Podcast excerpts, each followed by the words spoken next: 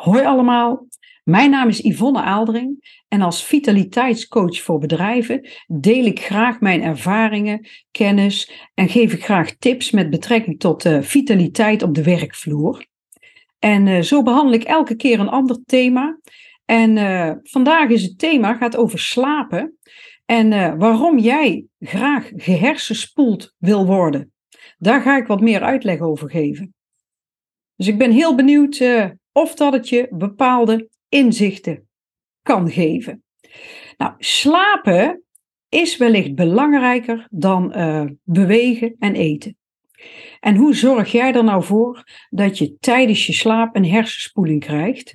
Nou, daar ga ik direct natuurlijk wat meer uitleg over geven. Maar allereerst, uh, als je kijkt, uh, slecht slapen kost uh, bedrijven heel veel geld door productieverlies. Slapen beïnvloedt namelijk de kwaliteit van je leven, maar ook je prestaties. Kijk, en dat is inmiddels al wel uh, heel erg bekend. Hè? Ik, uh, als je kijkt, hè, ze hebben een onderzoek gedaan um, ja, naar de prestaties van sporters. En um, of slapen daar invloed op had. Nou, en het is inmiddels al bekend dat, um, ja, hoe belangrijk dat dat is. Want als je bijvoorbeeld de voetbalclub Manchester United neemt, daar hebben ze slaapcoaches in dienst. Zodat uh, de voetballers optimaal kunnen presteren. En bijvoorbeeld de Visma fietsploeg, die heeft ook slaapcoaches in dienst, zodat de wielrenners op het podium kunnen staan. Want daar kan slapen namelijk voor zorgen dat jij wel of niet op het podium staat als sporter. En toch zijn er ongelooflijk veel mensen ja, met slaapproblemen, of mensen die niet fit opstaan, of die niet genoeg kunnen herstellen in hun slaap. En niet goed slapen levert eigenlijk allerlei problemen op. dat heeft invloed op, uh, ja, op allerlei levensgebieden en echt op de kwaliteit van ons leven. En uh, als jij slecht slaapt bijvoorbeeld, dan is jouw hormoonhuishouding is verstoord. En um, ja, wat een gevolg daarvan kan zijn, is dat jij bijvoorbeeld het vetopbouwend hormoon glerine, dat je dat veel meer aanmaakt en dat het hormoon leptine, hè, wat juist zorgt voor verzadiging, dat je dat minder aanmaakt, waardoor je veel meer vreedbuien hebt. En als je ja, minder goed eet, dan heeft dat uiteindelijk ook weer invloed op jouw slapen. Dus, en wat dat betreft is slapen is eigenlijk gewoon een ondergeschoven kindje. En um, ja, slapen is ook eigenlijk niet iets waar wij als eerste aan denken. Hè, um, ja, als we ons s'avonds neerleggen, dan, um, ja, dan worden we hè, na 7, 8 uur worden we weer wakker. En ja, daar sta je eigenlijk niet bij stil. Maar er gebeurt zoveel in die 7 tot 8 uur waar je je eigenlijk niet bewust van bent. Maar dat kan wel uiteindelijk jouw prestaties en jouw functioneren beïnvloeden. Ja, en ik zie zelf slapen als de basis, hè, omdat dat invloed heeft op alles. En natuurlijk is eten en bewegen ook heel belangrijk. Hè, want uh, ja, bewegen heeft ook invloed op je slapen. Als je overdag weinig beweegt, uh, bewegen draagt daar in ieder geval positief aan bij. En dat geldt natuurlijk ook voor voeding. Hè, voeding zorgt ook voor beter slapen. Dus eigenlijk is alles wel met elkaar verbonden. Nou ja, en heel veel mensen vragen zich dan af. Um, ja, wat is nou goed? Hoeveel uur moet ik nou slapen? Hè? Zeven of acht uur? Nou, even een leuk voorbeeld is, als jij op de weegschaal gaat staan en jij weegt 70 of 80 kilo, dat is eigenlijk ook helemaal geen graadmeter. Want het gaat namelijk veel meer om de balans en de samenstelling van jouw lichaam. En dat verschilt per persoon. Dus slapen, wat de een nodig heeft, heeft de ander niet nodig, is natuurlijk ook heel erg uh, per individu verschillend. We kunnen er wel van uitgaan dat, hè, dat je tussen de 7 en 9 uur slaap nodig hebt. En um, maar um, het is wel zo dat, um, en, en uh, zeven uur is dan eigenlijk de ondergrens. Maar het kan wel zijn dat iemand die um, bijvoorbeeld zes uur slaapt en een hele goede, diepe slaap heeft, dat die toch volledig uitgerust wakker wordt. En een ander heeft echt minimaal acht uur nodig. Kijk, en een keer een dagje niet goed slapen, dat is geen probleem.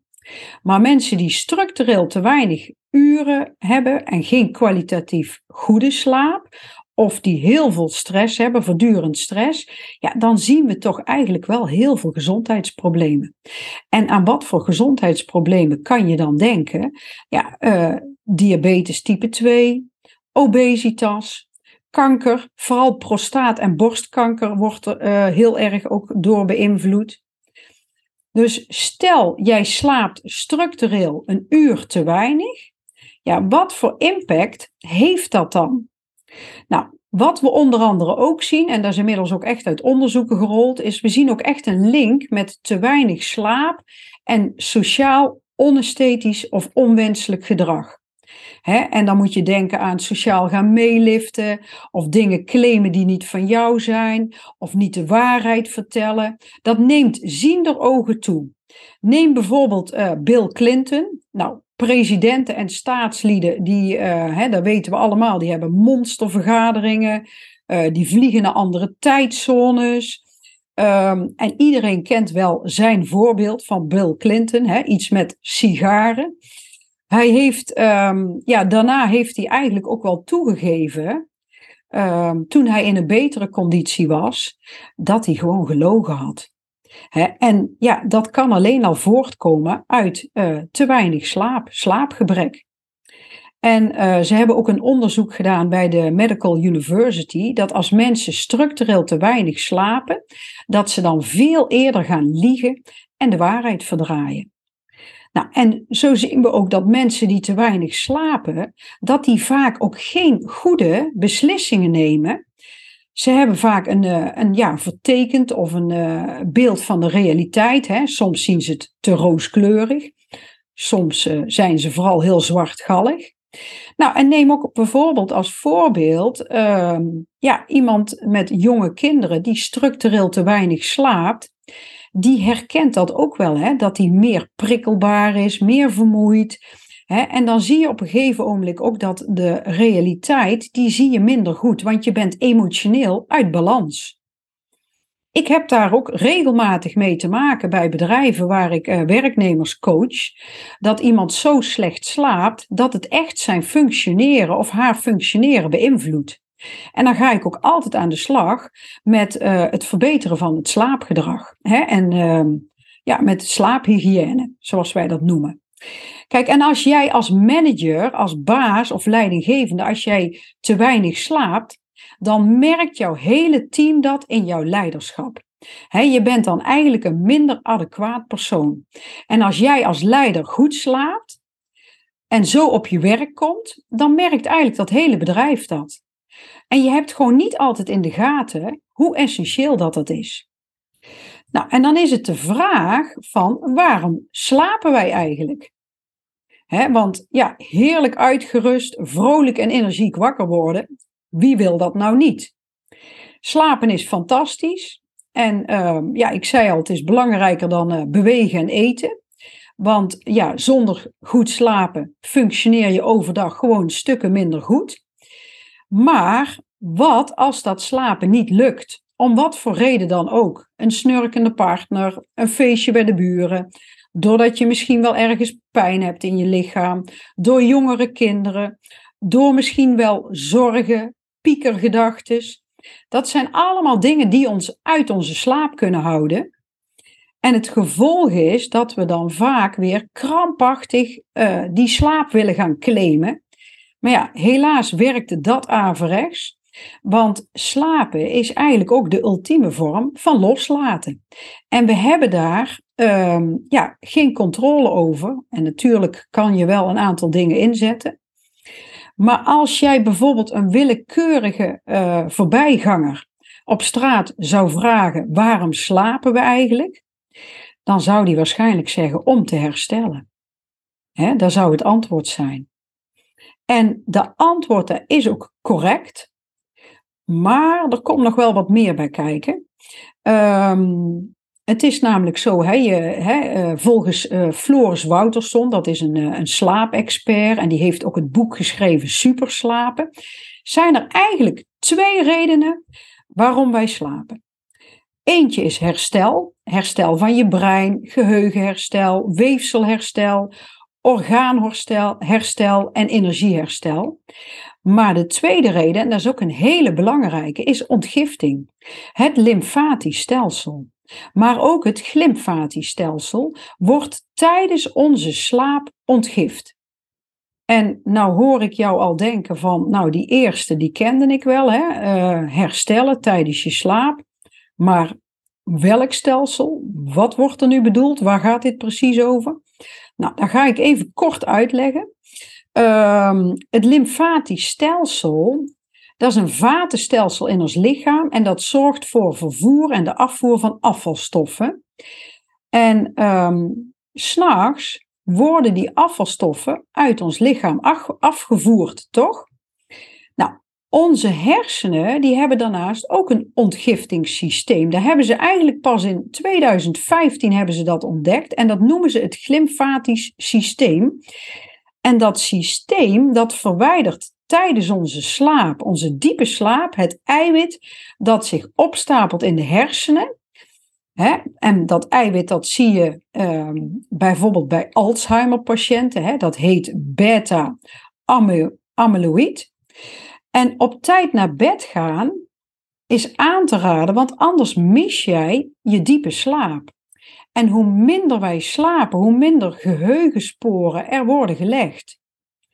En ik weet niet precies ehm, hoeveel slaap onze minister-president Mark Rutte krijgt. Maar dat zou wel eens kunnen verklaren uh, dat zinnetje waarbij hij zei: Ik heb hier geen actieve herinneringen aan. Dat zou dat, hè? Dat zou daarmee te maken kunnen hebben. Maar goed, wat ik in de, um, in de kop al zei in het begin: hersenspoeling tijdens je slaap. Jouw hersenen moeten schoongespoeld worden. En als je weet dat onze hersenen, die maken voor ongeveer 2% uh, eh, bestaan die, uh, hè, maken die uit van ons lichaamsgewicht. Maar onze hersenen verbruiken maar liefst 20 tot 25% van onze energie. En daardoor uh, spelen zich in onze hersenen ook bijzondere intensieve stofwisselingsprocessen af. Waarbij er allerlei afvalstoffen ontstaan, hè, want dat heb je bij stofwisselingsprocessen waarvan een deel mogelijk schadelijk kan zijn voor onze hersencellen. En opstapeling van die afvalstoffen in de hersenen, dat speelt onder andere een rol in het ontstaan van bepaalde degeneratieve hersenziekten. En dan moet je denken aan Alzheimer, Parkinson. Dus we hebben te maken eigenlijk met hersenafval. En uh, ja, in onze lichaamsweefsels draagt het lymfatisch systeem ook uh, uh, een belangrijke mate bij aan de afvoer van die afvalstoffen. Maar in onze hersenen ontbreekt het lymfatisch systeem. Kijk, en ze hebben zich ook jarenlang afgevraagd van hoe die hersenen zich dan toch voldoende kunnen ontdoen van uh, afvalstoffen. Nou, en dat hebben ze dus inmiddels ontdekt. Hè. Daar hebben onderzoekers van de Rochester Universiteit hebben dat aangetoond. Dat hersenen beschikken dus over een uniek drainagesysteem. Dat eigenlijk nergens anders in ons lichaam voorkomt. en rond de aftakkingen van slagaders en aders in onze hersenen bevindt zich dus een, een nauwe ruimte. En die is gevuld met vocht. En deze ruimtes die zijn aangesloten op de circulatie van ons hersenvocht. En dat is eigenlijk het vocht wat ook eigenlijk vanuit je hoofd naar je ruggenmerg loopt. En het blijkt dat, er, um, dat zich vanaf die ruimte rond die slagadertjes, hè, daar bevindt zich dus uh, vocht, hè, dat gaat door dat hersenweefsel heen. Hè, en um, ja, dat gaat rond die aderen en uiteindelijk wordt dat ook weer um, opgenomen bij de hersenen. Maar je ziet dus dat dat een circulatieproces is. Hè, en op die manier worden de, uh, het hersenweefsel wordt eigenlijk gewoon schoongespoeld. Dus reinigen tijdens onze slaap is zeker voor de hersenen heel erg belangrijk. Want dit systeem waar ik het net over had, dat drainagesysteem, dat is vooral actief tijdens je slaap. Nou, en de zenuwoverdrachtstof die hiervoor verantwoordelijk is, dat noemen ze norepinefrine. Dat is een stof die eigenlijk een beetje verwant is met adrenaline. En tijdens jouw slaap neemt het dit stofje in de hersenen, neemt dus, ehm, dat neemt af, waardoor die spoeling op gang komt.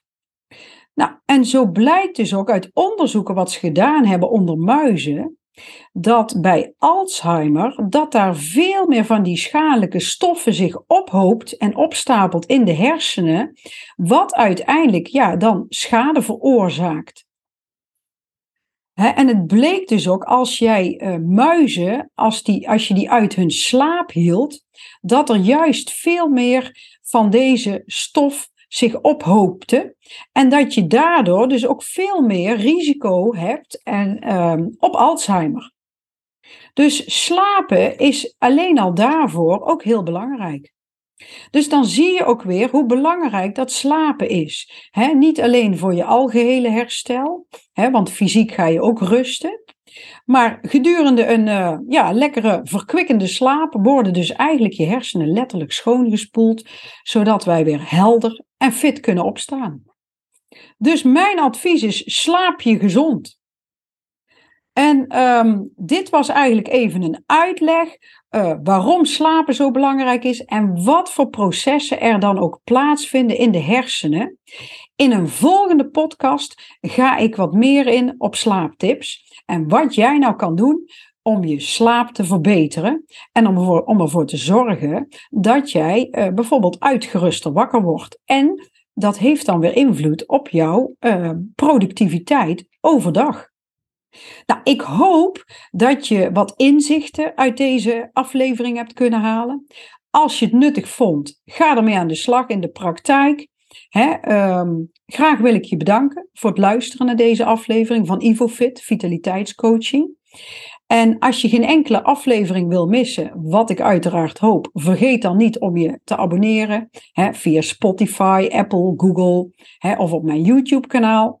Nou, mocht je iemand in je omgeving hebben waarvan je denkt, nou, daar zou dit zeker een heel nuttig onderwerp voor zijn, deel dan gerust uh, deze of een van mijn andere afleveringen met je netwerk. En uh, ja, ik zou zeggen graag tot een uh, volgende keer.